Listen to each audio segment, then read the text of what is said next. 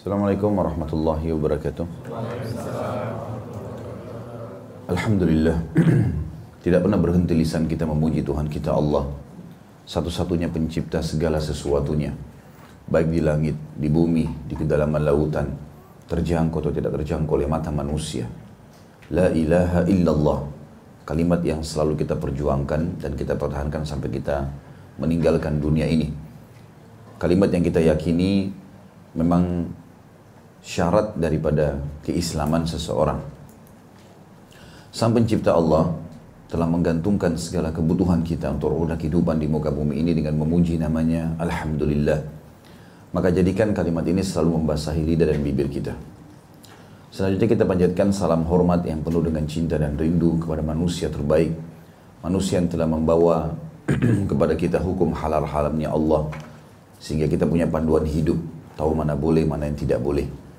Dan manusia yang terbaik ini telah dipilih oleh Sang Pencipta Allah untuk menjadi suri tauladan bagi semua manusia tanpa melihat dari suku dan negara serta warna kulit dan jenis kelaminnya. Begitu pula dengan umur. Dan siapa pun yang menjadikan manusia terbaik ini sebagai suri tauladan yang dipastikan dia akan bahagia. Karena telah tergambarkan dalam kehidupan manusia terbaik ini kebahagiaan, ketentraman hidup dalam rumah tangga, bersosial, berekonomi, berpolitik, serta yang luar biasa menang dari musuh-musuhnya dengan cara yang terbaik dan mendapatkan solusi terbaik dari setiap problem kehidupan. Oleh karena itu siapa yang mengikuti manusia terbaik ini pasti akan mendapatkan hal yang sama. Karena sudah menjadi sebuah sunnatullah, sistem yang telah Allah ciptakan, mengikuti orang baik maka akan baik, mengikuti orang buruk maka akan buruk. Mengikuti orang sukses kita akan sukses, mengikuti orang ber, e, gagal kita akan gagal. Dan juga mengucapkan salam hormat pada manusia terbaik ini dijadikan ibadah oleh Sang Pencipta Allah yang berarti akan menjadi pahala buat kita. Maka sangat wajar sebagai pengikut yang setia kalau kita selalu membacakan salawat dan taslim kepada Nabi besar Muhammad sallallahu wa ala alihi wa sahbihi wasallam. Tentu setelah libur Ramadan kemarin dari taklim karena setiap orang di antara kita tersibukkan dengan ibadah-ibadahnya, dan semoga saja Allah subhanahu wa ta'ala menerima seluruh amal yang pernah kita kerjakan dan akan kita kerjakan sampai menjelang ajal datang nanti. Serta diberikan pahala yang maksimal, keikhlasan yang maksimal. Serta juga menjadi penyebab masuknya kita ke dalam surga Firdaus tanpa hisab. Tinggal bagaimana setiap orang di antara kita melanjutkan atau istiqamah di dalam mengerjakan ibadah-ibadah tersebut sampai menjelang ajal datang nanti. Lanjutkan bahasan kita buku Sahih Hadis Qudsi dan kita pada pagi ini semoga Allah berkahi masuk ke hadis nomor 17.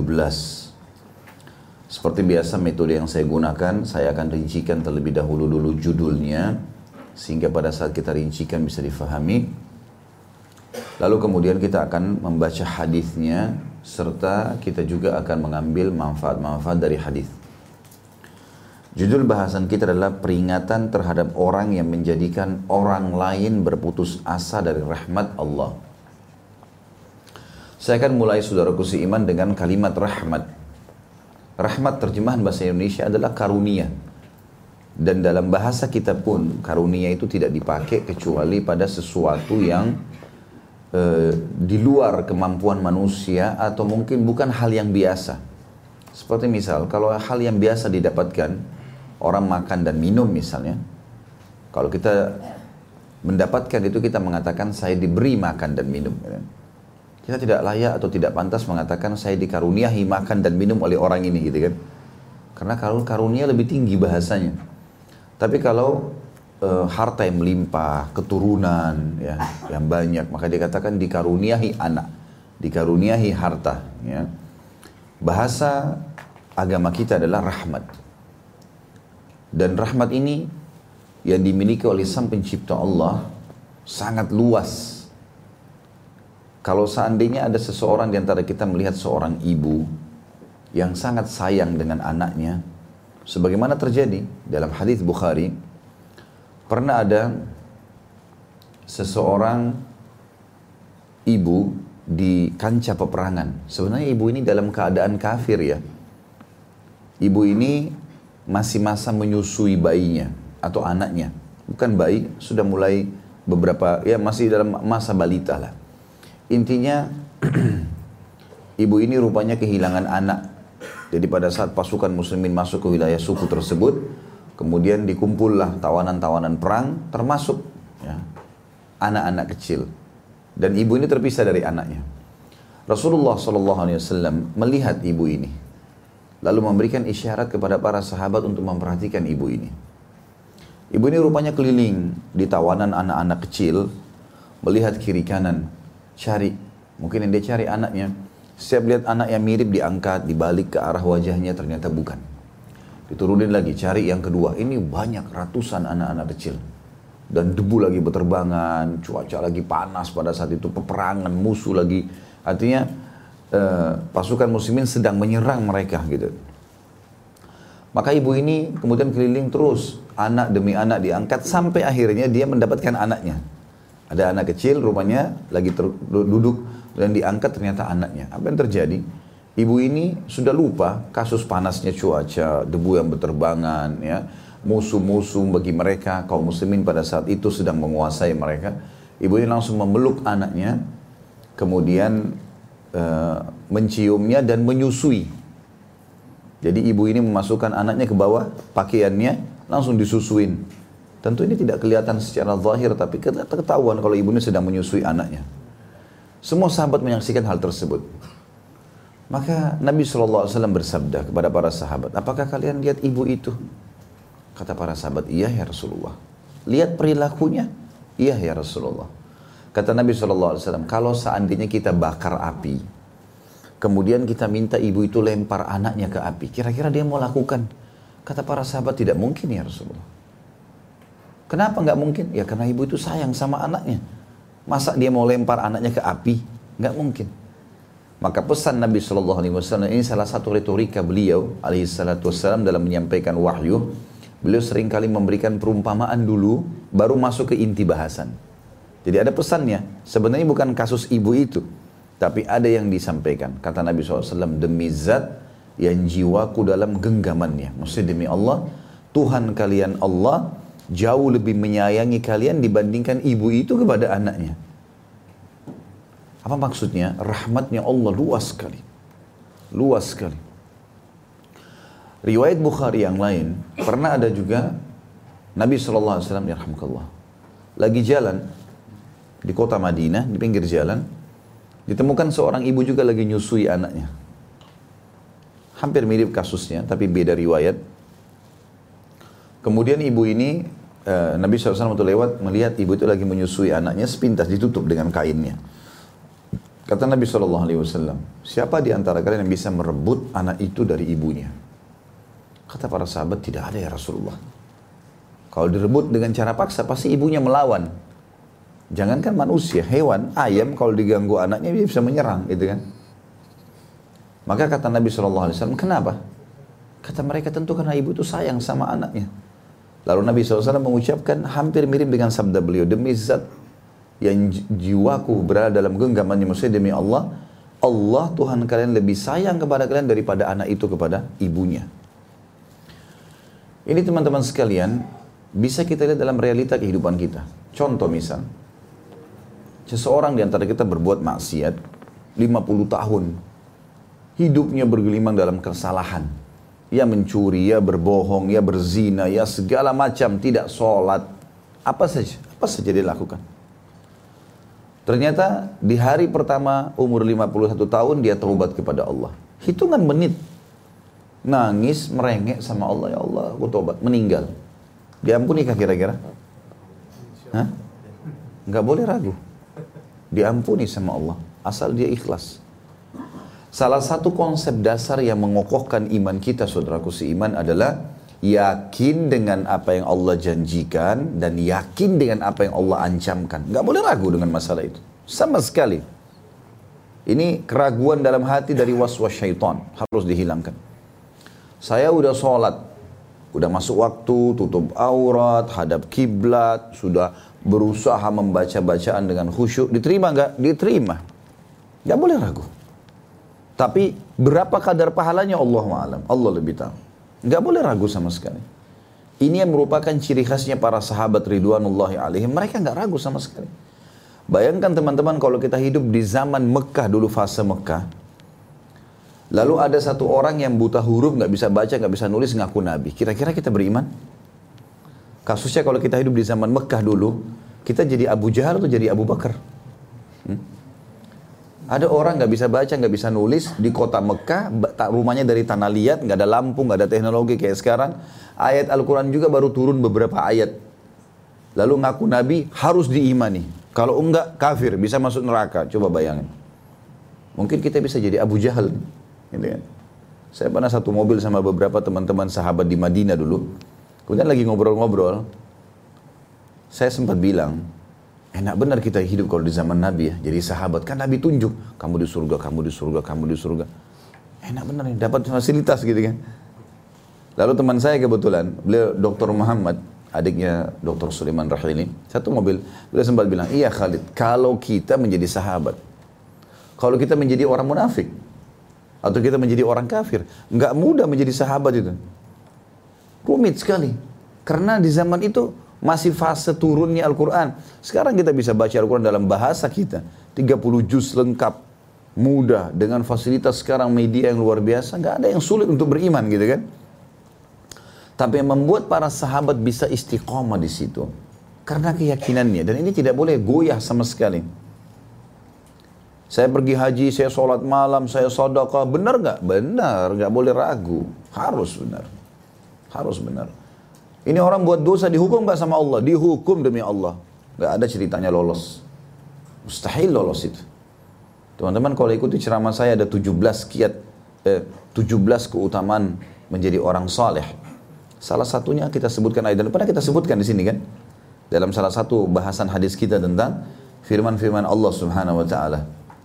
Di antaranya dalam surah Al-Ankabut dan surah-surah lain Allah Subhanahu wa taala berfirman Apakah orang-orang yang berbuat dosa itu mengira mereka akan luput dari hukuman kami? Sungguh buruk prasangka mereka. Mustahil.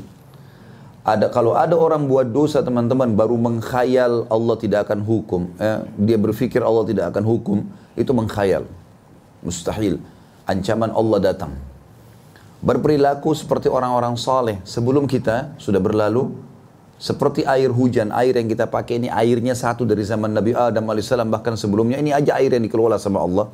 Mataharinya tetap matahari itu, udara yang kita oksigen yang kita hirup ini ini saja terus seperti itu, nggak ada sesuatu yang baru. Allah mengatakan walan tajida di sunnatillahi tabdila. Tidak akan pernah ada perubahan dalam sistem. Orang-orang yang baik yang lalu sebelum kita kita patuhi, kita ikutin, kita akan sama dengan mereka. Akibatnya sama. Nabi Musa, Nabi Isa, Nabi-Nabi sebelum kita kisahnya banyak dalam Al-Quran. Ikuti mereka, kita akan aman, gitu kan? Dalam arti kata, kita akan mendapatkan seperti apa yang Allah janjikan buat mereka. Kita ikuti Fir'aun, ikuti Namrud, ikuti orang-orang yang durhaka disebutkan dalam Al-Quran, akan sama akibatnya. Teman-teman berteman sama orang yang rajin ke masjid, ibadah, sholat, segala macam, maka kita akan sama dengan mereka. Kita ikutin orang-orang maksiat, kita akan sama dengan mereka. Tidak akan berubah itu, sunnatullah. Jadi nggak boleh ragu sama sekali teman-teman. Asal kita sudah ikuti syarat rukunnya, yakin diterima sama Allah. Nggak boleh ada keraguan. Buat dosa, takut, khawatir. Sampai para sahabat mengatakan, saya khawatir Allah subhanahu wa ta'ala menurunkan siksaannya gara-gara dosaku yang kecil ini. Sampai Ibnu Umar berkata, radhiyallahu anhu, saya mengetahui diri saya berbuat dosa pada saat Allah haramkan saya untuk sholat subuh berjamaah di masjid. Kapan seseorang dari kita teman-teman ketiduran, itu berarti ada dosa kita. Ada yang menghalangi. Nikmat yang paling pertama diangkat oleh Allah bagi, bagi ahli maksiat adalah tidak bisanya dia berbuat ibadah. Itu nikmat yang pertama diangkat dari dia. Jadi malas akhirnya, nggak mau baca Quran, nggak mau sholat, nggak mau sodakah, nggak mau hadir di majelis ilmu. Itu awal nikmat yang diangkat sama Allah karena dosa yang dia lakukan. Itu bahaya sekali. Sampai seseorang di antara mereka berkata, aku mengetahui aku memiliki dosa pada saat aku melihat perubahan pada istriku. Tungganganku bahkan tikus yang masuk ke dalam rumahku. Langsung beristighfar kepada Allah. Kaum salafus soleh kalau jalan kakinya tersentuh batu, innalillahi wa inna rajiun. Astagfirullah wa atubu ilaih. Langsung mereka mengucapkan kalimat istirja, nganggap ini musibah. Kok bisa kena gitu lah. Apa saja. Kadang-kadang orang di antara kita subhanallah tidak engah dengan ini. Sudah ban mobilnya kempes, sudah ada masalah, jalan sedikit ditilang, apalah peringatan Allah banyak sekali, tapi dia tidak ngah. Enggak ada kalimat lisannya mengatakan astagfirullah wa atubu ilaih. Malah marah-marah dengan orang. Malah caci maki, menambah dosanya. Kalau kita kerja di satu perusahaan teman-teman dan kita sudah ikuti peraturan, kalau perusahaan ini profesional ya, kita datang on time, on, kita datang on, on time, kemudian kita sudah coba jalankan semua peraturan perusahaan. Kira-kira di akhir bulan dapat terima gaji nggak? Hah? Ada keraguan nggak seorang pegawai kerja di satu perusahaan bagus, kemudian dia sudah kerja bagus, kira-kira ragu nggak dia dapat gaji? Saya yakin nggak, gitu kan? Bahkan dia sangat yakin tanggal sekian dia akan terima, nggak ada keraguan akan ditransfer, akan dia terima dan seterusnya. Kalau enggak, enggak ada orang kerja di kantor. Kita bicara perusahaan yang profesional. Allah subhanahu wa ta'ala jauh daripada itu semua. Lebih jauh, lebih sempurna. Enggak ada sesuatu yang telat. Bagi Allah itu tidak mungkin janjinya dipungkiri. Inna Allah la yukhliful mi'ad. Allah enggak bakal mungkin pungkiri janjinya. Wa man asdaqu minallahi khila. Dalam ayat lain dikatakan dan siapa yang lebih jujur daripada Allah dari penyampaian. Dalam penyampaian. Maka kita harus faham poin ini teman-teman sekalian. Rahmat Allah ini luas sekali. Luar biasa luasnya. Sebagaimana nanti akan kita bahas hadisnya. Ya. Saking luasnya rahmat Allah, berapapun besar dosa kita akan dimaafkan. Dan Allah yang maha suci dan maha pemurah sangat gembira dengan taubat hambanya. Coba bayangin teman-teman kalau kita mau masuk ke alam manusia. Kalau ada orang pernah menggibah kita, ada orang pernah memukul, atau ada orang pernah berbuat apalah yang menyakitkan hati Kemudian dia datang minta maaf setelah kita sakit hati. Bisa semudah itu kita ma minta ma maafkan. Atau kita gembira karena dia minta maaf. Kita memaafkannya sudah bagus kan gitu. Apalagi kalau kita mau gembira. Allah Azza wa Jal malah gembira dengan taubat hambanya. Udah buat dosa Allah gembira malah. Dan sudah pernah kita bahas dalam hadis-hadis sebelumnya. Tentang masalah gembirahnya Allah dengan taubat hamba-hambanya. Rahmat sangat luas. Dalam sebuah hadis yang sahih, riwayat Bukhari Muslim, Warahmati ghalabat ghadabi. Dan rahmatku telah mengalahkan murkahku, kata Allah. Dan untuk teman-teman dalam memahami rahmat Allah juga ini, karunia Allah yang luas, jangan kita lupakan juga ada satu statement penting dalam ayat Al-Quran disebutkan Inna Allah syadidul iqab. Allah itu berat hukumannya. Ada orang terlalu bergantung pada rahmat, dia lupa kalau Allah siksanya, siksanya pedih. Jadi dia lalai terus dalam perbuatan dosa. Padahal hukuman tetap ada. Gak mungkin tidak. Seberapa besar dosa yang dia buat, seberat itu pun hukuman datang. Gitu kan? Jadi kita harus imbangi di antara ini. Istilah dalam yang disampaikan oleh para ulama hadis adalah antara khauf dan roja. Antara rasa takut kepada Allah, jangan sampai berbuat dosa lalu dihukum, dan roja dengan harapan yang sangat besar. Kita harus berada di antaranya. Artinya orang kalau berbuat dosa dia ketakutan, terus segera dia kembali dengan terus mengejar rahmatnya Allah subhanahu wa ta'ala. Ini penting teman-teman sekalian. Mungkin ada syaitan yang membisikkan seseorang di antara kita pada saat Bapak Ibu sudah ikut pengajian, sudah mulai merasa tentram dengan ibadah ya. Pertanyaan kecil kadang-kadang syaitan bisikan di benak kita, apakah ini sudah cukup? Ya. Atau ini sudah benar? Atau apalah pertanyaan ya yang akhirnya membuat kita mengatakan atau mungkin bahasa mengejek dari syaitan. Kamu terlalu alim, nanti orang akan nilai kamu buruk, nanti, nanti, nanti, supaya kita tidak istiqamah. Ini kalau datang teman-teman harus ditepis. Baca isti'adah. A'udzubillahi rajim dan istiqamalah. Demi Allah Bapak Ibu sekalian, saya bersumpah depan Bapak Ibu atas nama Allah, kalau Anda mempertahankan ibadah sesuai dengan Al-Quran dan Sunnah, sholatnya, puasanya, jalankan ibadah-ibadah itu, maka demi Allah semua yang dijanjikan Allah pasti benar datangnya kesehatan, datangnya keturunan, datangnya segala macam ini pasti datang. Tapi kalau masih ada dosa yang mengganjal, mungkin itu yang jadi penghalang. Seperti saya pernah bahasakan, dosa itu seperti penyumbat di saluran air. Angkat penyumbat tersebut, kotoran, maka akan lancar semua. Kalau masih belum dibukakan, berarti masih ada dosa yang mengganjal. Bersifat dan bertobat kepada Allah subhanahu wa ta'ala, maka rahmatnya sangat luas. Rahmatnya sangat luas ya. Seperti itulah. Kemudian judul kita, masuk masih dalam judul adalah peringatan terhadap orang yang menjadikan orang lain berputus asa. Kita bahas masalah putus asa. Putus asa berarti sama sekali menganggap tidak akan mungkin sembuh dari penyakit, tidak akan mungkin begini, tidak akan mungkin begitu. Ini sangka buruk dengan Allah, nggak boleh. Imam Az-Zahabi rahimahullah memasukkan dalam salah satu dosa besar yang beliau bahas dalam kitab beliau Al-Kabair putus asa dari rahmat Allah. Kayaknya Allah nggak bakal ampuni saya nih. Kayaknya saya tidak bakal sembuh. Kayaknya saya tidak disayang sama Allah. Kayaknya, kayaknya. Ini semua sangka buruk. Ini dosa besar. Bersangka buruk pada Allah dosa besar. Akhirnya membuat dia putus asa.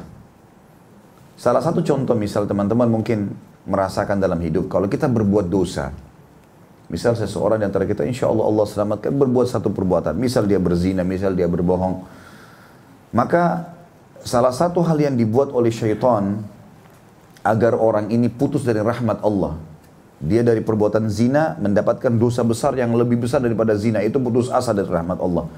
Maka dibisikkan, kamu tidak akan diampuni oleh Allah. Kamu sudah kotor, kamu sudah najis, kamu sudah begini. Sudah terlanjur, ulangi aja lagi misalnya. Maka itu semua bisikan syaitan. Jangan diiyakan teman-teman. Ingat, akibat perbuatan pelanggaran akan sama dengan hukuman akibat orang yang melanggar sebelum kita. Mustahil berbeda. Allah bilang tidak akan terjadi perubahan. Melanggar dihukum, patuh akan dikasih. Selesai urusannya. Konsepnya jelas kok. Tidak akan pernah berubah sebagaimana tadi air hujan tidak akan berubah. Tidak akan berubah matahari terbit pagi hari dan terbenam di mana-mana tidak akan berubah. Sunnahnya Allah tidak akan berubah. Sistem yang Allah telah buat tidak akan berubah. Maka istiqomah dalam masalah ini teman-teman sekalian. Dan itu yang terjadi pada kehidupan para sahabat. Mereka beristiqomah dalam masalah kebaikan. Kita lihat kehidupan para sahabat itu bertahan sampai mereka meninggal dengan ibadah-ibadah. Dan Abdullah bin Mas'ud radhiyallahu menitipkan pesan kepada kita, kalau siapa seseorang di antara kalian ingin mengambil pelajaran supaya dia selamat dan bahagia, ambil pelajaran kepada orang-orang yang terdahulu yang telah sukses dari para sahabat Nabi sallallahu alaihi wasallam. Karena sahabat-sahabat Nabi sudah ikut dengan Nabi, mencontohi mereka. Dan sahabat Nabi Muhammad SAW lebih afdal daripada sahabat Nabi-Nabi yang lainnya. Sahabat Nabi Isa, sahabat Nabi Musa SAW. Sahabat Nabi, eh, Nabi SAW adalah sahabat-sahabat yang paling mulia. Setelah para Nabi-Nabi mereka paling mulia. Sebagaimana sabda Nabi SAW, tidak ada manusia yang meletakkan kakinya di muka bumi lebih afdal setelah para Nabi-Nabi. ya Kecuali Abu Bakar. Atau seperti Abu Bakar sahabat Nabi. Jadi kita ambil pelajaran dari mereka. Lihat mereka bagaimana istiqomah tiap hari menikmati halal, meninggalkan haram. Istighfar kalau ada kesalahan selesai sampai mati. Maka akan mendapatkan apa yang telah dijanjikan oleh sang pencipta Allah SWT. Jadi nggak boleh. Dan saya titik beratkan juga teman-teman sekalian. Semua kata-kata buruk di benak kita. Dan persepsi buruk hapus. Di kamus benak kita ini, saya nggak mungkin sembuh, saya nggak mungkin kaya, saya nggak mungkin berhasil, saya jelek. Hapusin semua, nggak ada ini. Lihat diri kita di kaca, bilang, Alhamdulillah, Masya Allah ciptaan Allah. Bukan kok saya jelek sekali ya. Hah? Kalimat ini bisa jadi doa buat dia. Kata Nabi SAW, jangan ucapkan kalimat buruk pada diri kalian, harta kalian, keluarga kalian, karena malaikat lewat mengaminkan, maka terjadilah. Ini Bagaimanapun kita anggap kekurangan di fisik kita, itu ciptaan Allah. Kata para ulama Allah ciptakan ikan, ada yang indah sekali. Sampai kita kagum melihat warnanya, gitu kan? Warna-warni bentuknya segala macam. Ada yang Allah ciptakan ikan buruk kelihatannya kalau di mata manusia. Tanda kutip di sini. Ada kita menganggap jelek. Tapi kata para ulama di kedua ini adalah bukti kesempurnaan penciptaan Allah. Allah bisa ciptakan begini, Allah bisa ciptakan seperti itu. Kita lihat ada manusia yang tampan sekali, yang cantik sekali. Ada juga yang jelek sekali. Tapi sebenarnya tanda kutip ini di mata manusia. Tetap ciptaan Allah subhanahu wa ta'ala. Kuasa Allah menciptakan semua itu. Gitu kan? Makanya ini hanya perhiasan dunia. Di akhirat sudah berbeda. Kata Nabi SAW, ahli surga semuanya tingginya seperti Adam alaihissalam, wajahnya seperti Yusuf, hatinya seperti Ayub. Jadi yang jelek-jelek sudah nggak ada lagi di akhirat. Cuma dunia. Gitu kan? Allah ingin menguji kita di situ. Bersyukur nggak? Kita lihat orang lain kurang, kita harus bersyukur. Alhamdulillah saya tidak seperti itu. Yang sedang kurang, dia bersabar, gitu kan? Sampai ulama berselisih pendapat, mana lebih afdal? orang yang kaya suka bersyukur dengan orang yang miskin yang suka bersabar. Karena dua-duanya punya keutamaan. Jadi yang sedang kena cobaan ya sabar. Yang sedang dapat nikmat ya dia bersyukur. Maka ini puncak daripada kesempurnaan kehidupan seseorang. Sebagaimana juga fungsi-fungsi ya. Dalam rumah tangga misalnya, suami istri punya fungsi masing-masing. Kalau saling meremah, mengambil atau merebut uh, kedudukan atau tugas, maka akan kacau semuanya. Tapi kalau kita jalankan sesuai dengan sistem yang sudah ada, maka akan aman. Ini kurang lebih pemahaman tentang masalah putus asa. Dan saya ingatkan kembali sabda baginda Nabi alaihi salatu wassalam, saya tidak suka dengan kalimat pesimis, kata Nabi SAW. Saya nggak bisa, saya nggak mungkin, saya nggak mampu. Dusta semua. Uang waktu kita sama 24 jam, sama-sama punya dua mata, sama-sama punya otak, sama-sama punya kulit, sama-sama punya dua tangan. Kalau seandainya orang yang sukses yang kita anggap secara dunia ataupun akhirat itu punya tangan lima misalnya, beda sama kita. Matanya empat, mungkin lah. Waktunya 27 jam misalnya. Enggak sama semua. Cuma masalahnya kitanya yang belum terpandu dengan agama. Agama ini subhanallah membawa kita kepada dari putus asa menjadi yakin. Dari bodoh menjadi pintar, dari penakut menjadi pemberani. Orang miskin atau orang pelit menjadi orang yang dermawan dan kaya. Diubah semua dengan agama. Dan ini agama satu-satunya teman-teman sekalian yang bisa menyatukan kita dalam satu konsep. Kalau kita mau ikuti akal kita tidak bakal bisa. Akalnya siapa yang jadi patokan? Seperti banyak orang-orang liberal mengatakan harus agama sesuai dengan akal. Salah ini. Ya. Akal kita yang tunduk dengan agama. Karena kalau kita katakan akal, akalnya siapa? Makanya mereka berselisih pendapat lagi tentang masalah masalah itu. Selisih perselisihannya banyak sekali. Maka tidak boleh berputus asa. Kata Nabi SAW, saya tidak suka kalimat pesimis, tapi saya suka al-fa'al. Kata para sahabat, ya Rasulullah, apa itu al-fa'al? Kata Nabi SAW, kalimat optimis. Saya pasti bisa. Saya akan sembuh. Saya akan dapat keturunan. Saya akan kaya. Saya akan masuk surga. Gitu kan? Seperti itulah. Ini poin-poin yang harus kita bangun dalam kehidupan kita. Kita ulangi lagi judulnya, peringatan terhadap orang yang menjadikan orang lain berputus asa. Kamu nggak mungkin diampuni sama Allah. Dosamu terlalu banyak. Kamu pasti masuk neraka. Gak boleh semua kalimat-kalimat ini. Kecuali kalau orang itu sudah jelas-jelas meninggal dalam keadaan kafir, baru bisa. Kayak Fir'aun. Fir'aun di mana sekarang ya? Di neraka. Karena sudah jelas-jelas dalam pemahaman yang diturunkan wahyu, orang meninggal dalam keadaan kafir di neraka. Tapi kalau orang masih hidup, gak bisa kita hakimi. Gitu kan. Malah kita dianjurkan berbuat baik, mendoakan supaya dapat hidayah. Ya, yang harus menghukumnya adalah pemerintah-pemerintah yang sudah diberikan kekuasaan oleh Sang Pencipta Allah. Kita masuk ke hadis pertama di hadis nomor 817 ya dengan sanad Hasan ditulis itu ada Hasan kalau teman-teman pegang buku Berarti di bawah derajat sahih tapi masih dipakai hadisnya ya. Saya bacakan hadisnya Abu Hurairah radhiyallahu anhu berkata, aku mendengarkan Rasulullah sallallahu alaihi wasallam bersabda, "Kana rajulani fi bani Israil mutawakhiyaini." Fakana ahaduhuma يذنب wal akharu mujtahidun العبادة ibadah. لا يزال المجتهد يرى الآخر على al فيقول أقصر فوجده Fayakul على fawajadahu. فقال له أقصر فقال خلني وربي. أبو إثت علي رقيبا فقال والله لا يكفر الله لك أو لا يدخلك الله الجنة. فقبض أرواحهما فاجتمعا عند رب العالمين. فقال لهذا المجتهد أكنت بي عالما أو كنت على ما في يدي قادرا؟ وقال للمذنب اذهب. fadkhulil jannata wa qala lil akhar bihi. Perhatikan baik-baik teman-teman. Dulu ada dua orang di kalangan Bani Israel, kata Nabi SAW, yang bersaudara. Ini kata para ulama bisa bersaudara kandung atau memang bersaudara karena Allah. Salah satu dari keduanya sering melakukan perbuatan dosa dan yang satu lagi giat sekali beribadah. Orang yang giat beribadah ini selalu melihat yang lainnya, maksudnya saudaranya tadi, melakukan perbuatan dosa. Maka dia menegur, berhentilah. Suatu hari dia menjumpainya melakukan satu dosa. Maka dia menegurnya, berhentilah. Saudaranya menimpali atau membalas itu menjawab, biarkan aku bersama Tuhanku. Jadi urusanku sama Allah. Apakah kamu diutus untuk mengawasiku? Ini si maksiat berkata kepada si ahli ibadah. Maka dia menjawab, demi Allah, kata si ahli ibadah nih, demi Allah, Allah tidak akan mengampuni dosamu. Atau Allah tidak akan memasukkanmu ke dalam surga. Jadi dia memastikan itu ya, dengan jazam. Karena dia emosi tadi menolak, orang ini menolak untuk ikut beribadah. Kemudian Allah mencabut nyawa keduanya. Lalu keduanya berkumpul di sisi Rob semesta alam. Rob artinya pencipta, pemilik, penguasa, ya juga pemusnah. Allah bertanya kepada orang yang giat ibadah itu, apakah kamu mengetahuiku ataukah kamu berkuasa atas apa yang ada di tanganku?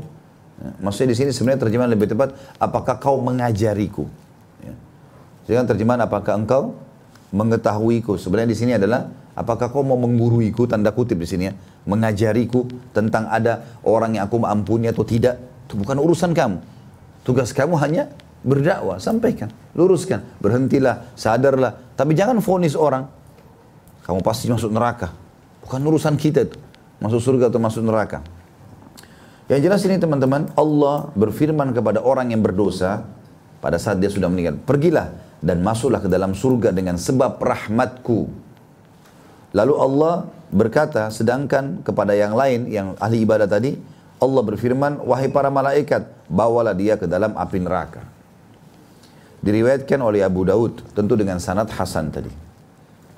Baik, seperti biasa saya akan atau kita akan ambil pelajaran daripada hadis ini. Pelajaran pertama teman-teman sekalian, dalam penyampaian atau pelajaran yang sering disampaikan oleh Nabi SAW, wahyu, sering kali ada cerita umat-umat sebelum kita. Dan yang paling sering disampaikan Bani Israel. Siapa itu Bani Israel? Bani artinya keturunan. Israel nama lainnya Nabi Yakub. Nama lainnya Nabi Yakub. Kan Ibrahim alaihissalam punya dua orang istri, ada Sarah dari Sarah lahir seorang anak namanya Ishak diangkat jadi nabi. Kemudian dari istri yang kedua Hajar lahir Ismail juga dinobatkan menjadi nabi. Dari keturunan Ishak ini anak Nabi Ibrahim AS dari istri pertamanya ada anak lagi lahir cucu Nabi Ibrahim namanya Yakub juga dinobatkan menjadi nabi. Sebagaimana Allah sebutkan dalam surah Maryam, "A'udzubillahi minasyaitonirrajim wa wahabna lahu ishaqa wa yaqub wa kullan ja'alna nabiyya." Dan kami karuniakan kepada Ibrahim Ishak dan Yakub. Yakub ini disebutkan namanya dan dia adalah nama lainnya Israel. Jadi kalau dikatakan Bani Israel adalah keturunannya Nabi Yakub. Ada alasan teman-teman kenapa disebutkan Bani Israel? Karena setelah Nabi Yakub alaihissalam, semua nabi yang ada di muka bumi kebanyakan pada satu dari Bani Israel. Yang Allah sebutkan dalam Al-Quran ya. Allahu alam kalau Allah masih menobatkan nabi-nabi di tempat lain. Tapi yang jelas dikenal dengan nabi-nabi Bani Israel setelah Yakub ada anaknya Yusuf. Setelah Yusuf ada Musa, ada Harun, ada Daud, ada Sulaiman, ada ya Ayub, ada Yunus, ya, ada e, Isa alaihi dikenal dengan nabi-nabi Bani Israel. Nah sering kali pelajaran pertama yang kita ambil dari hadis ini adalah penyampaian Nabi SAW juga tentang umat-umat sebelum kita. Terutama dari Bani Israel. Dan ini wahyu. Hanya saja perlu digarisbawahi teman-teman, bedakan antara penyampaian Nabi SAW tentang Bani Israel dengan informasi yang disampaikan Bani Israel kepada kita. Ini beda. Saya ulangi lagi. Bedakan antara penyampaian Nabi SAW tentang Bani Israel termasuk hadis ini. Dulu sebelum kalian ada keturunan Bani Israel begini kejadiannya. Itu penyampaian Nabi pasti benar. Nggak ada keraguan di situ. Bedakan ini dengan kalau Bani Israel yang menyampaikan kepada kita. Siapa Bani Israel sekarang Yahudi sama Nasrani. Mereka Bani Israel, mereka keturunan ya yang membawa ajaran Nabi, Nabi-Nabi Bani Israel. Orang Yahudi mengaku pengikutnya Nabi Musa alaihissalam. Orang Nasrani mengaku pengikutnya Isa alaihissalam. Musa dan Isa Nabi Bani Israel. Ya kan gitu. Nah kalau ada Bani Israel atau ada ahli kitab yang menyampaikan kepada kita dikenal dengan kisah Israiliyat. Israiliyat.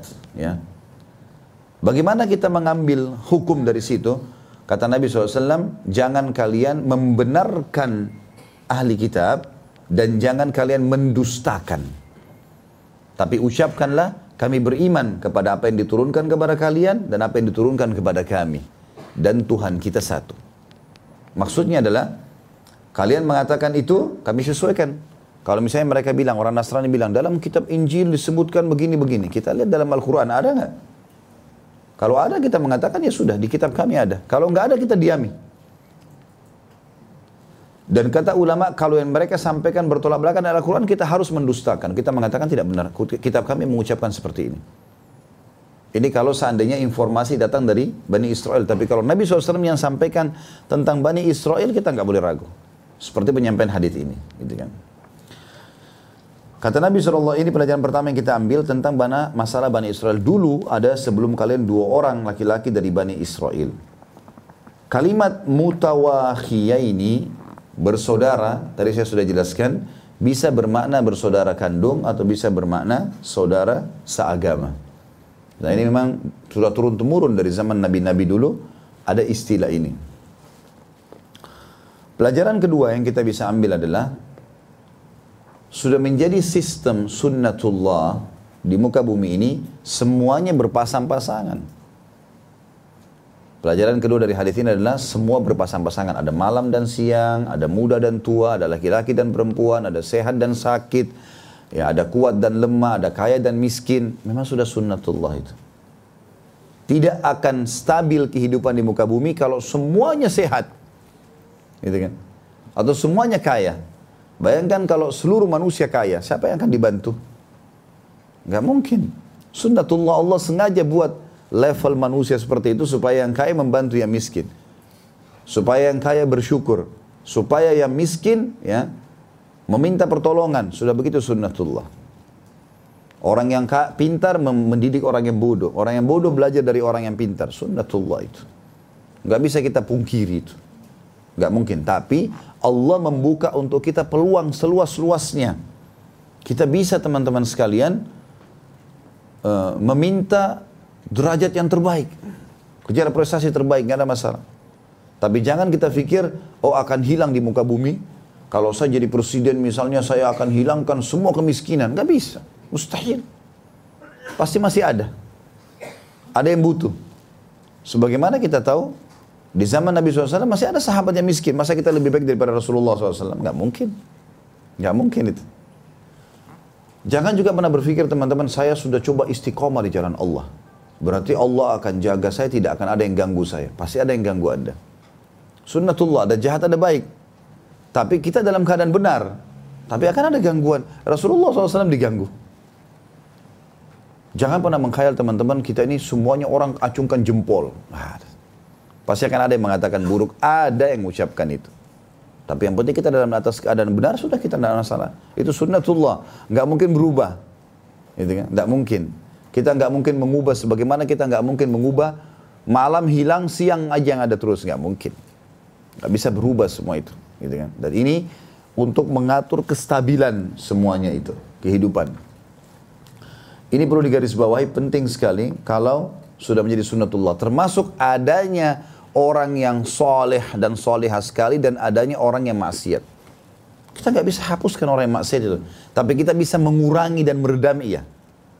Akan ada mereka. Itu kan. Baginda Nabi SAW, manusia terbaik di muka bumi waktu hidup teman-teman, di kehidupan beliau ada empat golongan manusia. Yang pertama, ada orang kafir. Nabi SAW interaksi sama orang kafir. Ada kafir Quraisy, ada suku-suku Arab, ada ahli kitab, bahkan Yahudi di Madinah tiga suku Kainuqa, Nadir dan Quraidah menolak risalah beliau alaihi salatu wassalam. Nabi, mereka lihat Nabi dengan mata kepala, bayangkan aja. Ya. Tapi mereka menolak. Nanti ada orang kafir. Berarti selama kita hidup, kita akan interaksi sama orang kafir. Islam sudah mengajarkan tata cara bermuamalah dengan mereka. Tetap kita bertetangga boleh, berbisnis boleh, berteman boleh. Orang tua kita yang dalam keadaan kafir tetap kita bakti. Kerabat kita tetap kita silaturahim. Tapi jangan dukung ibadahnya. Karena mereka sedang salah. Gitu kan? Nggak boleh. Maka di sini diatur sistemnya. Komunitas yang kedua adalah orang munafik. Di zaman Nabi SAW. Ada Abdullah bin Abi Salul. Namanya Abdullah. Tapi kepala orang munafik. Ya, sampai waktu Nabi SAW melihat Abdullah ini sakit keras, dia minta kepada Nabi SAW datang ke rumahnya. Nabi SAW datang ke rumahnya. Lalu Nabi SAW mengingatkan lagi kembali dia, gitu kan? Hati-hatilah, hati-hatilah. Hai Muhammad, bukan saatnya berdebat, saya sudah sakit parah. Saya cuma minta satu, hai Muhammad. Kalau saya meninggal nanti, kafani saya sama bajumu ini. Minta baju Nabi SAW. Kata Nabi SAW, baiklah. Gitu kan? Dan ini nanti kita ambil pelajaran dari situ ya. Abdullah bin Abi Salul minta bajunya Nabi SAW. Kafani saya dengan bajumu ini. Kata Nabi SAW baik. Subhanallah, baru Nabi keluar meninggal Abdullah bin Abi Salul ini. Sebar berita, meninggallah si kepala munafikin. Waktu itu Nabi SAW ditanya, ya Rasulullah bagaimana jenazahnya bawa ke masjid nggak? Jelas orang munafik ini. Kata Nabi SAW bawa. Bawa. Begitu bawa ke masjid, Nabi SAW mau sholati, sahabat semua ngumpul, Umar bin Khattab berkata, saya tidak tahu kenapa saya berperilaku seperti itu kepada Nabi SAW. Saya langsung mendekati, ya Rasulullah, munafik, jangan disolatin. Kata Nabi SAW, karena, karena kasih sayangnya luar biasa kepada umatnya, beliau mengatakan, hai Umar, biarkanlah saya solati. Siapa tahu Allah maafkan dia. Gitu kan. Kata Umar, ya Rasulullah, munafik, jangan disolati. Gitu kan. Kata Nabi SAW, hai Umar, saya akan beristighfar kepada Allah, walaupun 70 kali. Untuk dia. Kata Umar, saya tidak tahu kenapa saya begitu berbuat tegas sampai saya memegang pundak Nabi SAW. Ya Rasulullah, jangan di munafik. Gitu kan? Maka Nabi SAW mengatakan, biarkanlah aku hai Umar. Maka Nabi SAW pun mensolati. Apa yang terjadi? Turun firman Allah SWT. Yang artinya, hai Muhammad, mulai sekarang, jangan pernah kau solati jenazahnya mereka. Orang-orang munafik. Jangan kau berdiri di kuburannya mendoakan mereka. Karena mereka telah kufur kepada Allah. Gitu kan? Kata Umar, saya tidak tahu kenapa itu ada satu saya berbuat tegas. Seakan-akan Allah membawa saya. Ini bukan berarti kekurangan bagi baginda Nabi SAW ya. Tapi karena rahmatnya, kasih sayangnya yang sangat luas kepada umatnya gitu kan. Setelah itu Nabi SAW tidak pernah lagi ya mensolati mereka. Tapi di sini teman-teman sekalian banyak sekali pelajaran juga dari kisah ini bagaimana Nabi SAW, bagaimana pakaian Nabi pun tidak bermanfaat bagi orang yang munafik. Gitu. Kadang-kadang ada orang subhanallah begitu. Saya dengar pergi ke Mekah, beli kain kafan di Mekah, siram air zam-zam. Kenapa? Supaya nanti di kuburan tidak dikenal azab. Dari mana ini? Gak ada hubungannya sama sekali. Mau kita dimandikan dengan air zam-zam pun kalau banyak dosanya tetap jadi masalah. Hah? Ada hubungannya sama sekali. Mau dikafani dengan baju di medan perang yang penuh dengan darah pun kita akan tetap selamat. Walaupun kita pakai baju yang mahal dari sutra segala macam, pakai peti kematian, dikubur di kuburan mewah, tetap disiksa. Ini kan? Saya pernah ngisi daurah di Sulawesi Utara pada satu daerah Manado dan sekitarnya. Subhanallah dari hotel kami menuju ke uh, tempat daurah ini, saya ngisi teman-teman dai pada saat itu hadir. Itu ada kuburan orang-orang non-muslim. Saya bertiga sama dua orang ustadz yang lain. Saya sambil bercanda sama mereka ini kalau kita lewat di sini, kalau orang-orang kuburan ini bisa bicara, mereka berharap kita nggak lewat nih. Karena kita lewat, kita doain Allah tambahin azab nih. Kalau orang beriman kan kita doain tambah bagus gitu. Karena Nabi SAW kalau lewat di kuburan orang-orang kafir, beliau mengatakan, apakah kalian sudah mendapatkan, waktu meninggalnya di Badar kan, apakah kalian sudah mendapatkan apa yang Allah ancamkan buat kalian?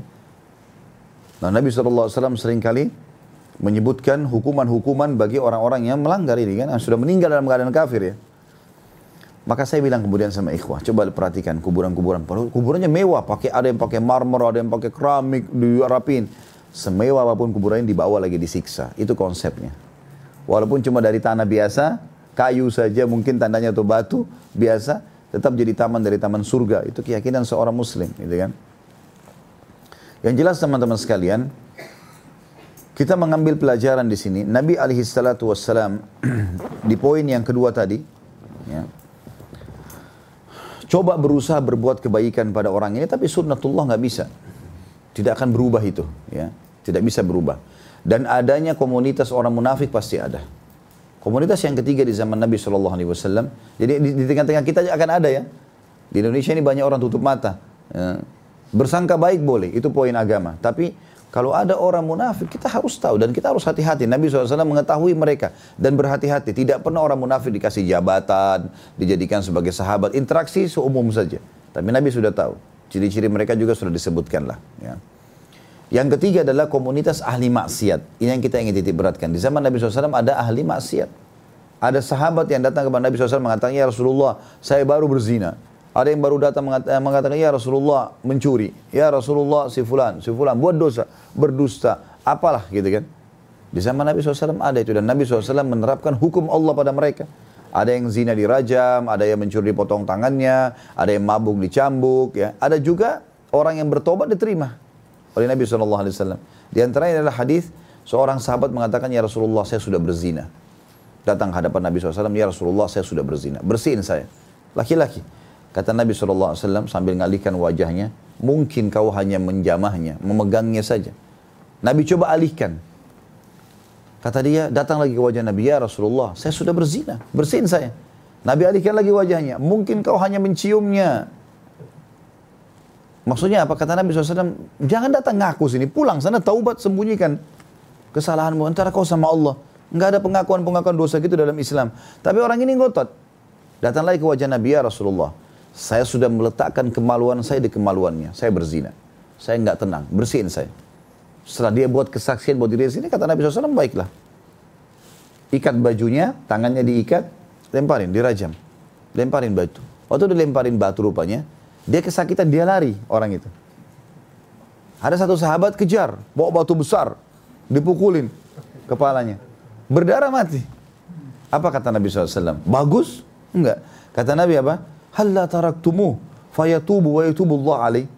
Tidakkah kalian biarkan aja dia lari? Supaya dia taubat dan Allah terima taubatnya. Karena kan ini shock terapi semestinya.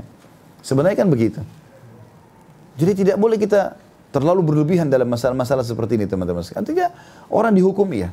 Ada orang kadang-kadang dendam sama anaknya sendiri. Anaknya buat salah satu, itu terus dimarahin gitu. Kenapa ini teman-teman sekalian? Kita kan tujuannya, kita tujuannya mendakwahi. Ya. Berdakwah ini teman-teman, butuh ketenangan hati, kelapangan dada. Kita lagi butuh memperbaiki keadaan dia. Bukan bedain ya antara kita menyampaikan dakwah dengan kita menjelaskan sebuah hukum. Ada bedanya.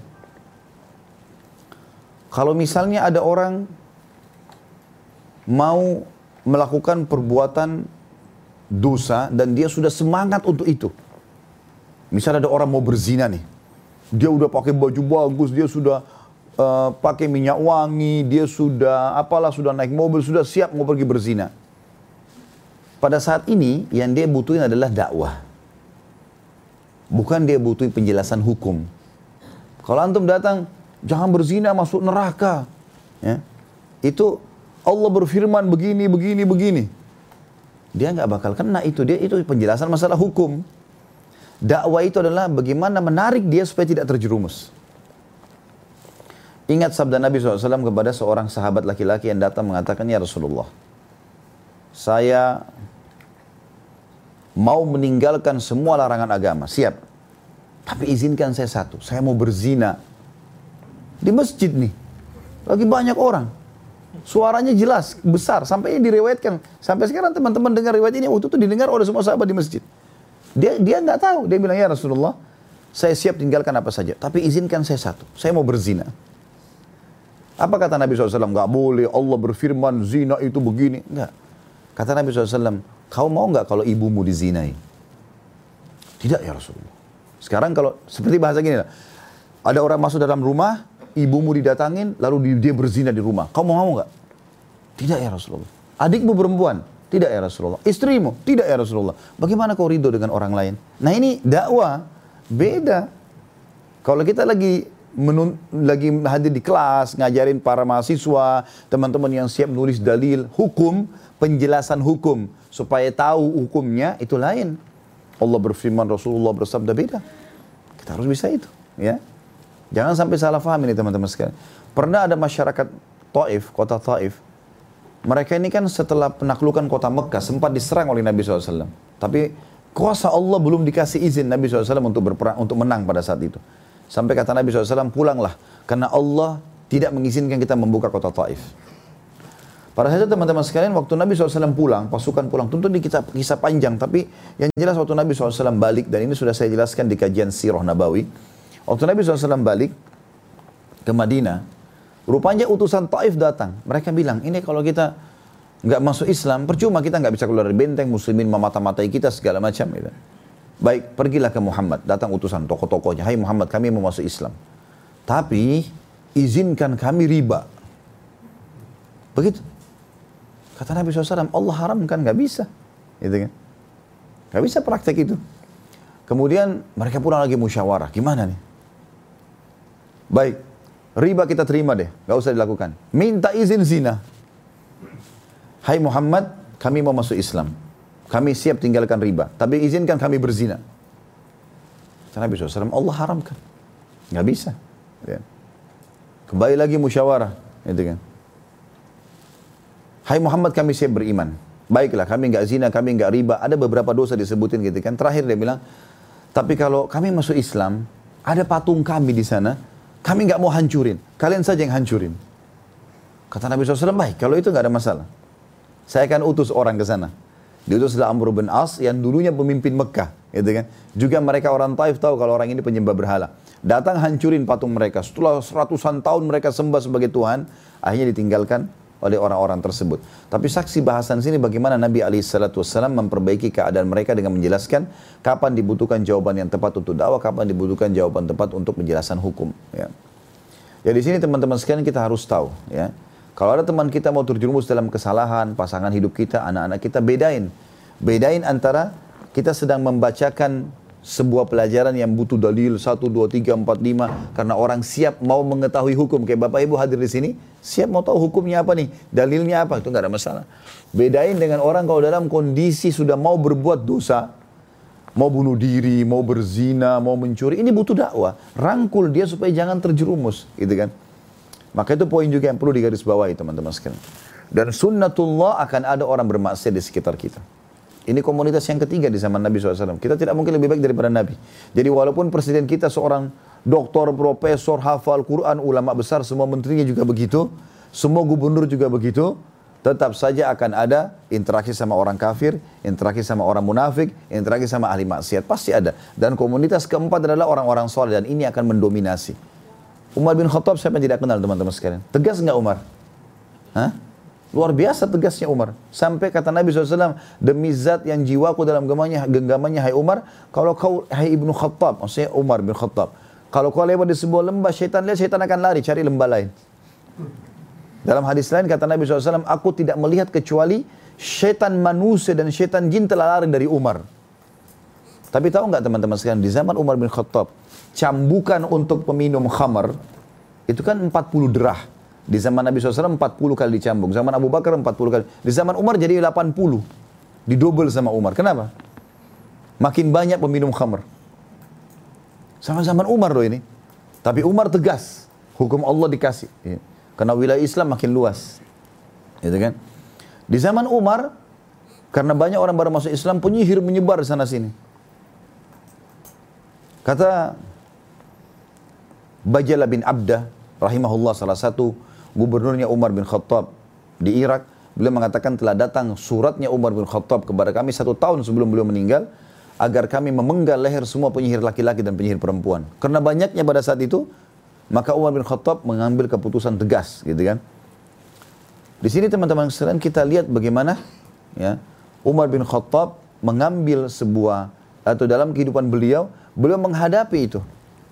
Sampai di zamannya beliau juga beliau sempat berkata, ini saya sudah angkat di kisah Hudzaifah bin Yaman radhiyallahu anhu, kisah uh, tablik akbar siar sahabat bulan lalu. Dan insya Allah hari ini kita akan bahas sahabat yang selanjutnya Ammar bin Yasir radhiyallahu anhu di zaman Hudzaifah bin Yaman adalah sahabat Nabi yang dikenal dengan sahibus sir, orang yang mengetahui rahasia Nabi SAW. Sampai dia satu-satunya orang yang tahu nama-nama orang munafik.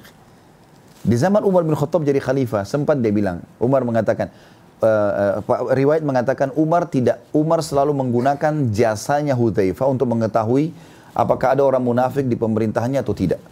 Karena Hudzaifah tahu si fulan si fulan. Tapi Hudzaifah tidak mau sebutin namanya.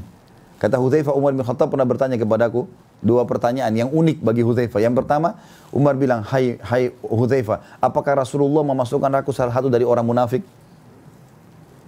Kata Hudzaifah, "Sama sekali tidak. Dan saya tidak akan menyampaikan kepada siapa pun setelah kamu, hai Umar. Karena ini kan berarti, oh kamu bukan munafik. Nanti orang lain pada datang semua, saya munafik gak? Saya munafik gak? Kata Hudzaifah demi Allah saya tidak akan sampaikan setelah kamu. Pertanyaan yang kedua adalah di zaman khilafahnya beliau, beliau sempat bilang, ini saksi bahasan kita. Hai Hudzaifah, apakah ada di antara gubernurku orang munafik? Kata Hudzaifah, ada satu orang. Umar bin Khattab kecolongan. Ya. Ada satu orang, ahli ibadah, hafal Al-Quran, tapi orang munafik dari zaman Nabi. Umar bin Khattab anggap orang ini sahabat, gitu kan. Kata Hudzaifah ada satu orang. Siapa namanya? Hudzaifah nggak mau sebutin. Demi Allah saya nggak akan bilang. Rasulullah suruh rahasiakan, gitu kan. Jadi kita juga bukan berarti ada orang munafik lalu kita bongkar-bongkar sembarangan tidak. Kita tahu orangnya lalu kita berhati-hati dari mereka. Sebagaimana Rasulullah SAW sudah contohkan kepada kita. Tidak dikasih jabatan, berhati-hati dari mereka. Dan perkataannya jelas kok. Islam bilang A, dia bilang B. Haram dihalalin. Itu oh, ciri-ciri orang munafik zaman Nabi SAW. Muslimin mau bersodokah, oh ini om, ria. Orang mau jihad tuh, apalah segala macam. Selalu dia menghadang. Ya. Kalau orang menerapkan hukum Allah, itu ciri orang munafik. Sudah tahu jangan dijadikan teman, sudah selesai. Tapi nggak perlu secara hukum ada hukuman dipenggal lehernya, apalah segala macam enggak. Karena Nabi SAW contohkan kita untuk itu.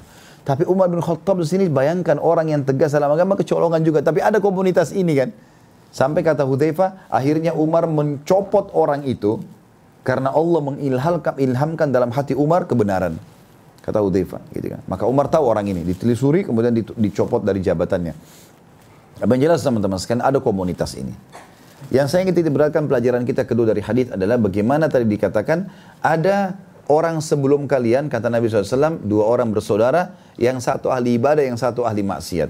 Ahli maksiat ini akan tetap ada.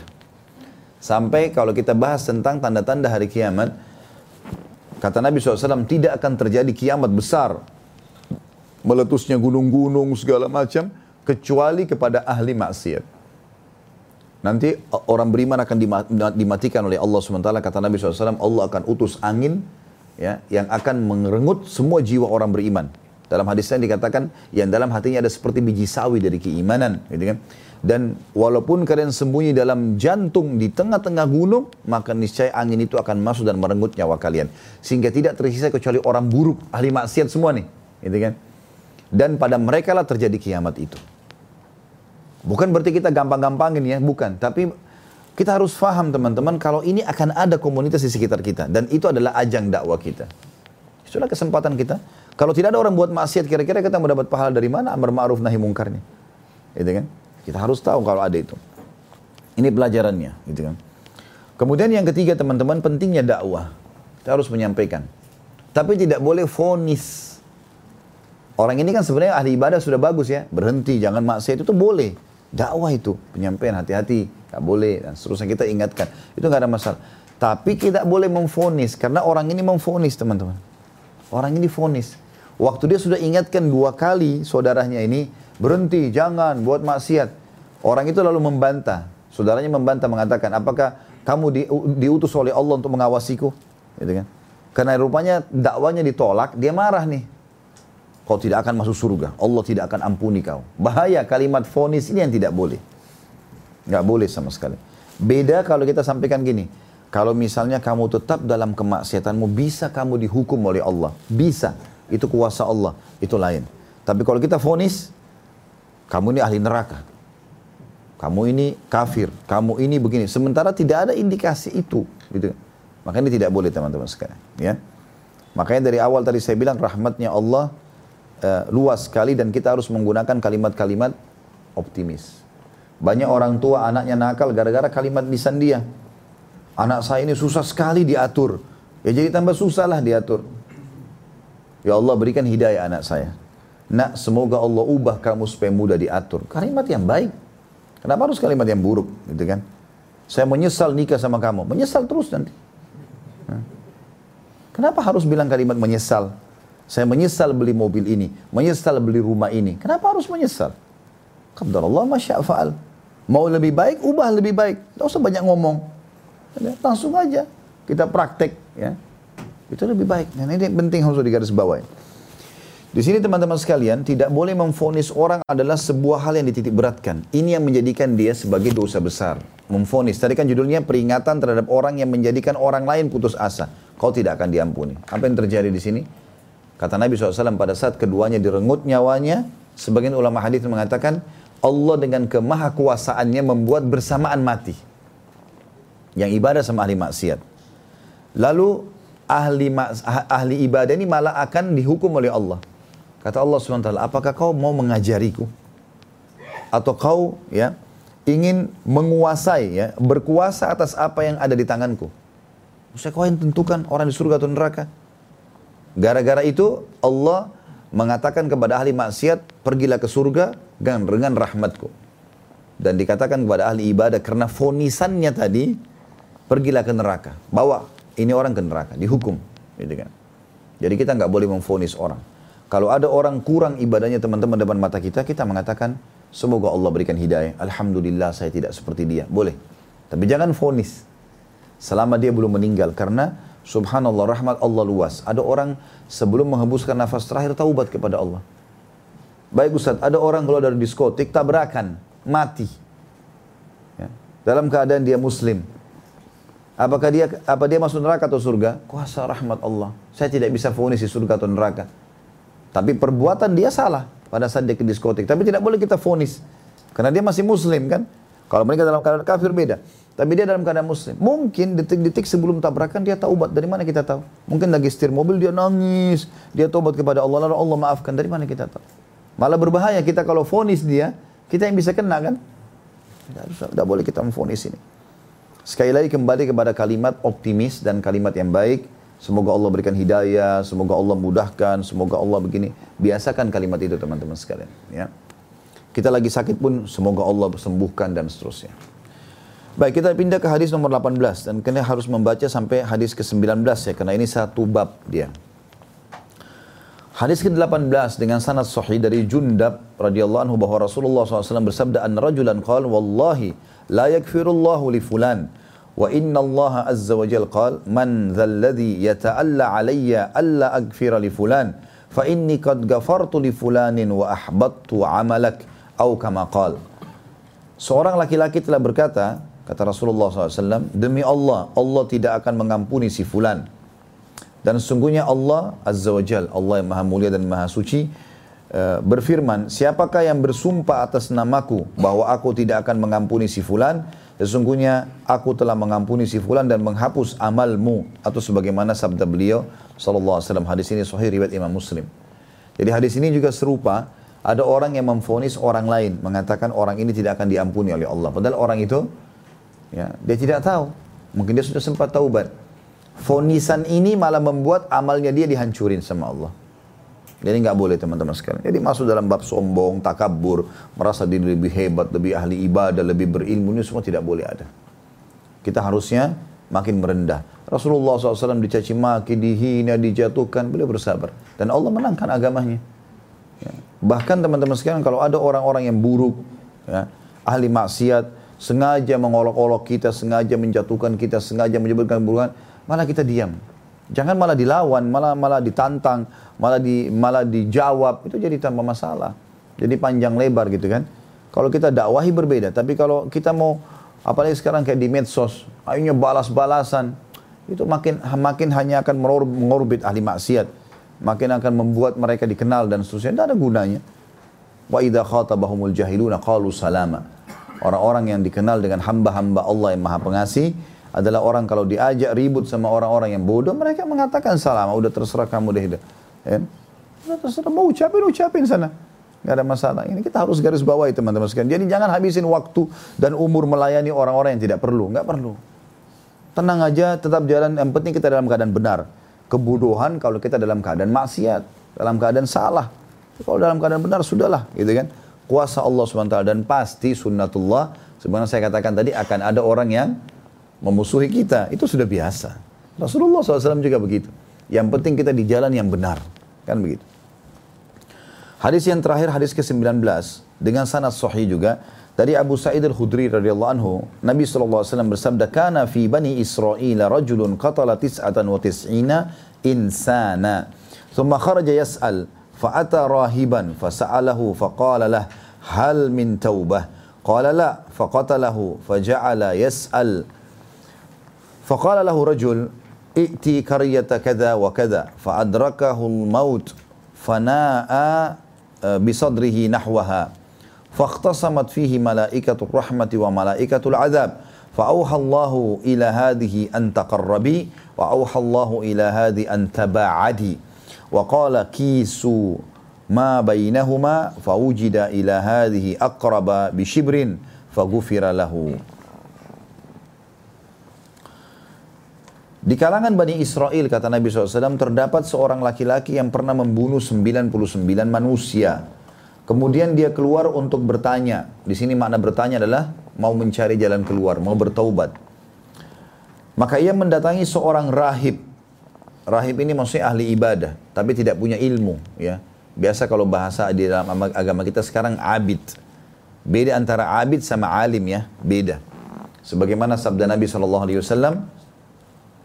Perumpamaan ya orang alim di antara kalian dibandingkan dengan abid seperti perbedaan antara aku dengan orang yang paling terbodoh di antara kalian. Jadi ahli ibadah mau suka ibadah tapi tidak mau belajar, tidak mau ilmu. Disilakan dengan rahib. Salah satu istilahnya ya, dikatakan seorang yang ahli ibadah dan bertanya kepadanya, apakah masih ada tobat untukku? Ya. Maka pendeta itu atau orang ahli ibadah ini berkata tidak ada. Maka dia pun membunuhnya. Dalam riwayat lain, riwayat Bukhari juga dikatakan, maka dia melengkapkan korbannya 100. Termasuk orang yang ahli abid ini. Ya, kalau tidak bisa diampuni sudah sekalian aja saya bunuh gitu. Kemudian dia bertanya lagi, coba keliling nyari. Lalu seseorang berkata padanya, datanglah ke negeri ini dan itu. Dalam riwayat yang dikatakan karena di sana ada orang alim yang bisa uh, memandumu. Riwayat lain juga berbunyi, dia datang kepada seorang alim lalu berkata, apakah Allah masih akan memaafkanku? Kata orang itu, tentu rahmat Allah luas. Kau akan dimaafkan. Lalu saran saya, kata si alim ini, setelah kamu taubat, pergilah ke kampung ini atau kampung itu, atau negeri. Jangan kamu kembali ke komunitasmu, pindah tempat, gitu kan. Maka orang ini pun setelah taubat, dia pergi ke negeri yang ditunjuk oleh orang alim. Kemudian kematian menjemputnya. Lalu dia dengan dadahnya lebih cenderung ke negeri tersebut sejengkal. Maksudnya pada saat dia jatuh, badannya itu lebih dekat kepada negeri yang dia mau perbaiki keadaannya daripada negeri yang dia awalnya bermaksiat. Maka malaikat malaikat rahma, malaikat rahma artinya malaikat yang mencabut ruhnya orang-orang beriman dan malaikat-malaikat azab yang mencabut ruhnya orang fasik, ahli maksiat dan juga ahli kafir ya berselisih mengenainya. Lalu Allah mewahyukan kepada negeri ini supaya mendekat. Ada riwayat lain mengatakan maka Allah mengutus malaikat yang ketiga menengahi dua malaikat ini. Karena malaikat rahmah harus membawa ruh ini ke surga yang diperlihatkan. Kemudian yang yang yang malaikat azab akan membawanya ke neraka, diperlihatkan nerakanya gitu kan. Maka Allah mengutus malaikat yang ketiga lalu mengatakan kepada mereka, coba hitung ke negeri mana lebih dekat? Kalau dia lebih dekat ke negeri yang dia taubat itu, yang dia mau perbaiki keadaannya, maka berarti dia malaikat rahmah yang ambil ruhnya. Tapi kalau dia lebih dekat dengan tempat maksiatnya, maka malaikat adab yang mengambilnya. Ya, seperti itulah. Lalu Allah mewahyukan kepada negeri ini supaya mendekat dan mewahyukan kepada negeri yang lainnya supaya menjauh. Maksudnya negeri yang dia mau datangin untuk memperbaiki keadaannya, Allah dekatkan dengan kuasa Allah. Sebagai pencipta. Dan Allah mengatakan kepada negeri yang dia maksiat menjauhlah. Maka tertarik tanah dengan kuasa Allah sehingga akhirnya dia lebih dekat kepada tempat tobatnya sejengkal. Gitu kan. Kemudian Allah berfirman kepada para malaikat tersebut, ukurlah jarak keduanya. Ternyata didapati dia lebih dekat satu jengkal kepada negeri yang baik itu. Sehingga dia diampuni dosa-dosanya. Diriwayatkan Imam Bukhari dan Imam Muslim. Hadis ini memberikan pelajaran banyak sekali teman-teman sekalian.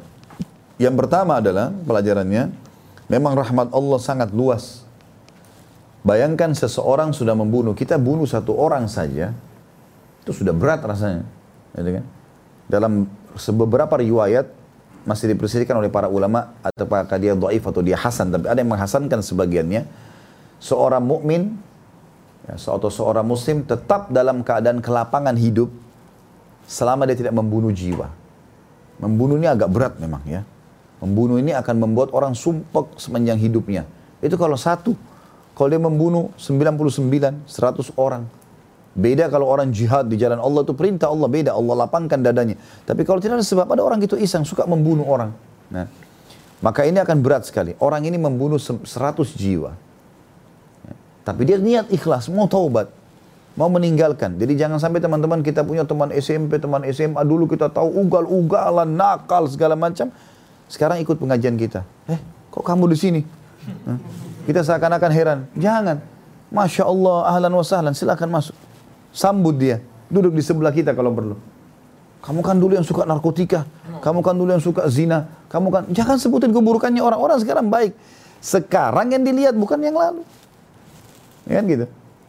Pernah ada seorang mantan pezina bertanya kepada saya. Tapi dari kertas di pengajian. Dalam kertas. Ustaz saya dulu pezina, saya segala macam gini-gini. masih bisa nggak Allah ampuni saya? Saya masih layak nggak dapat laki-laki soleh? Saya bilang subhanallah, kalau anda menikah dengan orang mukmin, maka orang mukmin tidak akan lihat masa lalunya. Kita kalau orang beriman teman-teman sekalian, kita lihat di depan mata. Nggak usah korek-korek yang tidak kelihatan.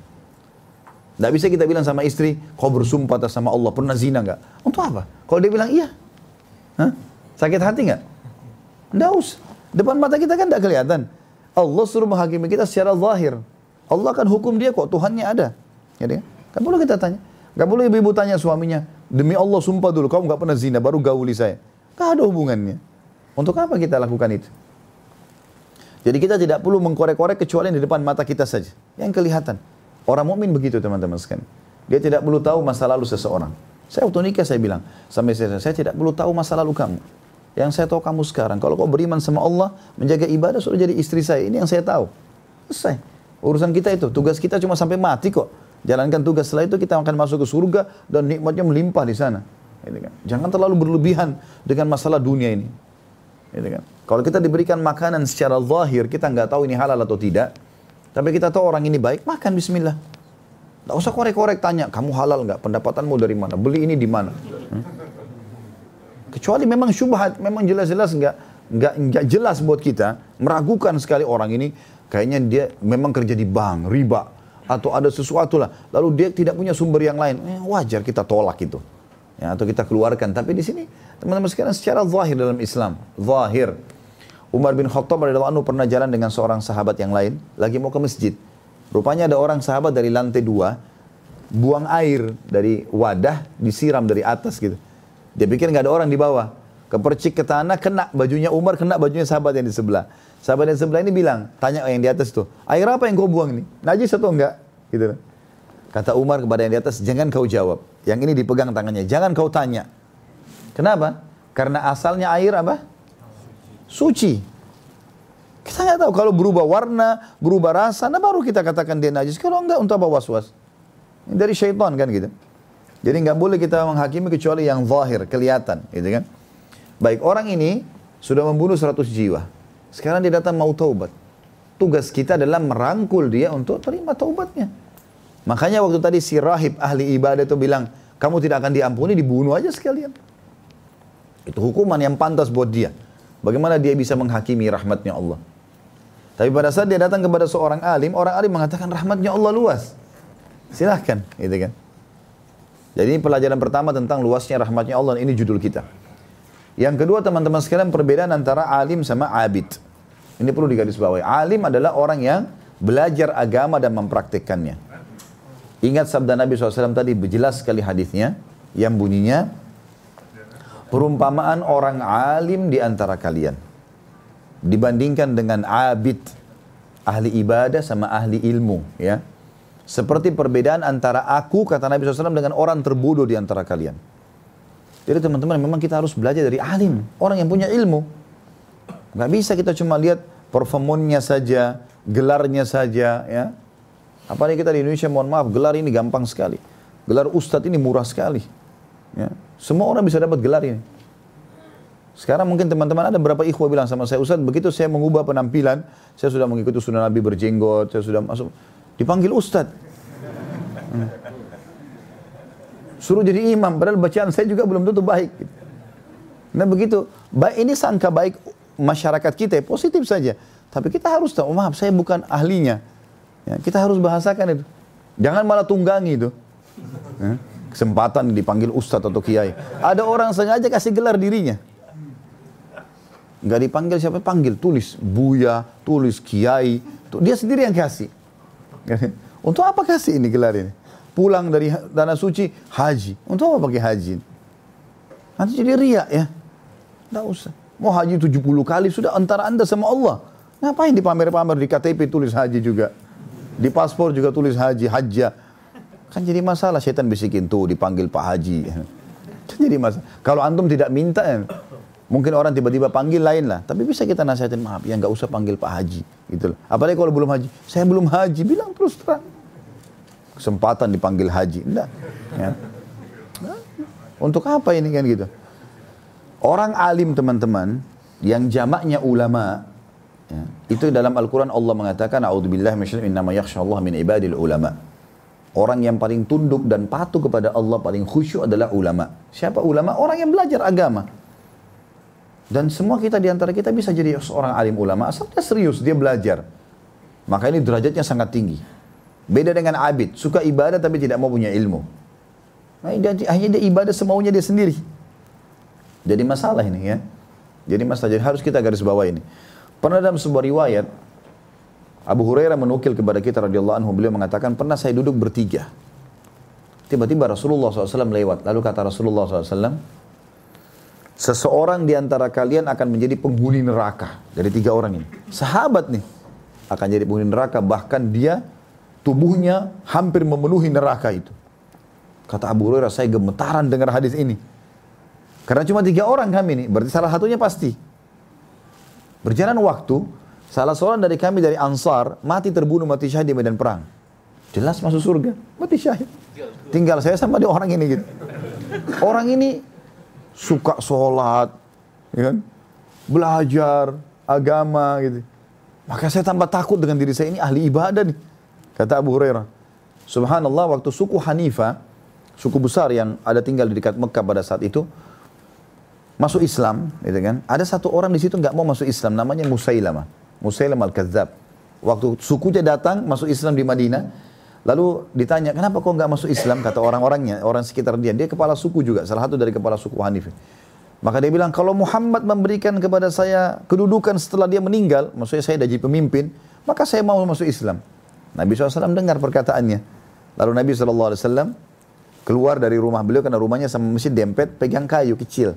Kata Nabi SAW kepada Musailamah, demi Allah kalau kau mintain dari saya, saya nggak kasih. Apalagi minta kenabian, kerajaan setelah saya meninggal, gitu kan. Rupanya orang ini pulang, dia ngaku Nabi. Nabi SAW mengutus orang yang di sebelahnya Abu Hurairah ini, pergilah ke sana jadi dai. Kata Abu Hurairah dia pergi jadi dai ke sana. Saya makin takut nih. Ini dai ini. Berangkat ke sana. Begitu tiba di sana Musailamah temuin. Pas masuk di suku Hanifah diketemu sama Musailamah. Dia bilang, hai, Fulan, kalau seandainya kau mengatakan saya juga Nabi sebagaimana Muhammad Nabi, kau akan jadi menteri saya. Tiba-tiba orang ini didatangi oleh orang-orang suku Hanif mengatakan, apa ya pesan apa pesan Muhammad kepada kami? Kata dia apa? Muhammad yang dipesan bahwasanya di sini Musailamah juga Nabi sebagaimana dia Nabi di Madinah. Maka dia murtad dari risalah Nabi Muhammad wasallam. Orang begitu subhanallah. Jadi kuasa Allah. Makanya orang harus terus menuntut ilmu teman-teman dan istiqomah di situ. Bahaya sekali. Jangan hanya sekedar baru hadir sekali dua kali pengajian terus sudah merasa bangga. Enggak teman-teman sekalian. Syaitan tiap hari mengejar kita ini. Harus istiqomah sampai meninggal. Kalau sudah sampai meninggal baru. Gitu kan. Kita tutup dengan kafaratul majlis. Subhanakallahumma bihamdika. Asyhadu an la ilaha illa anta astaghfiruka wa atubu ilaik. Wassalamualaikum warahmatullahi wabarakatuh.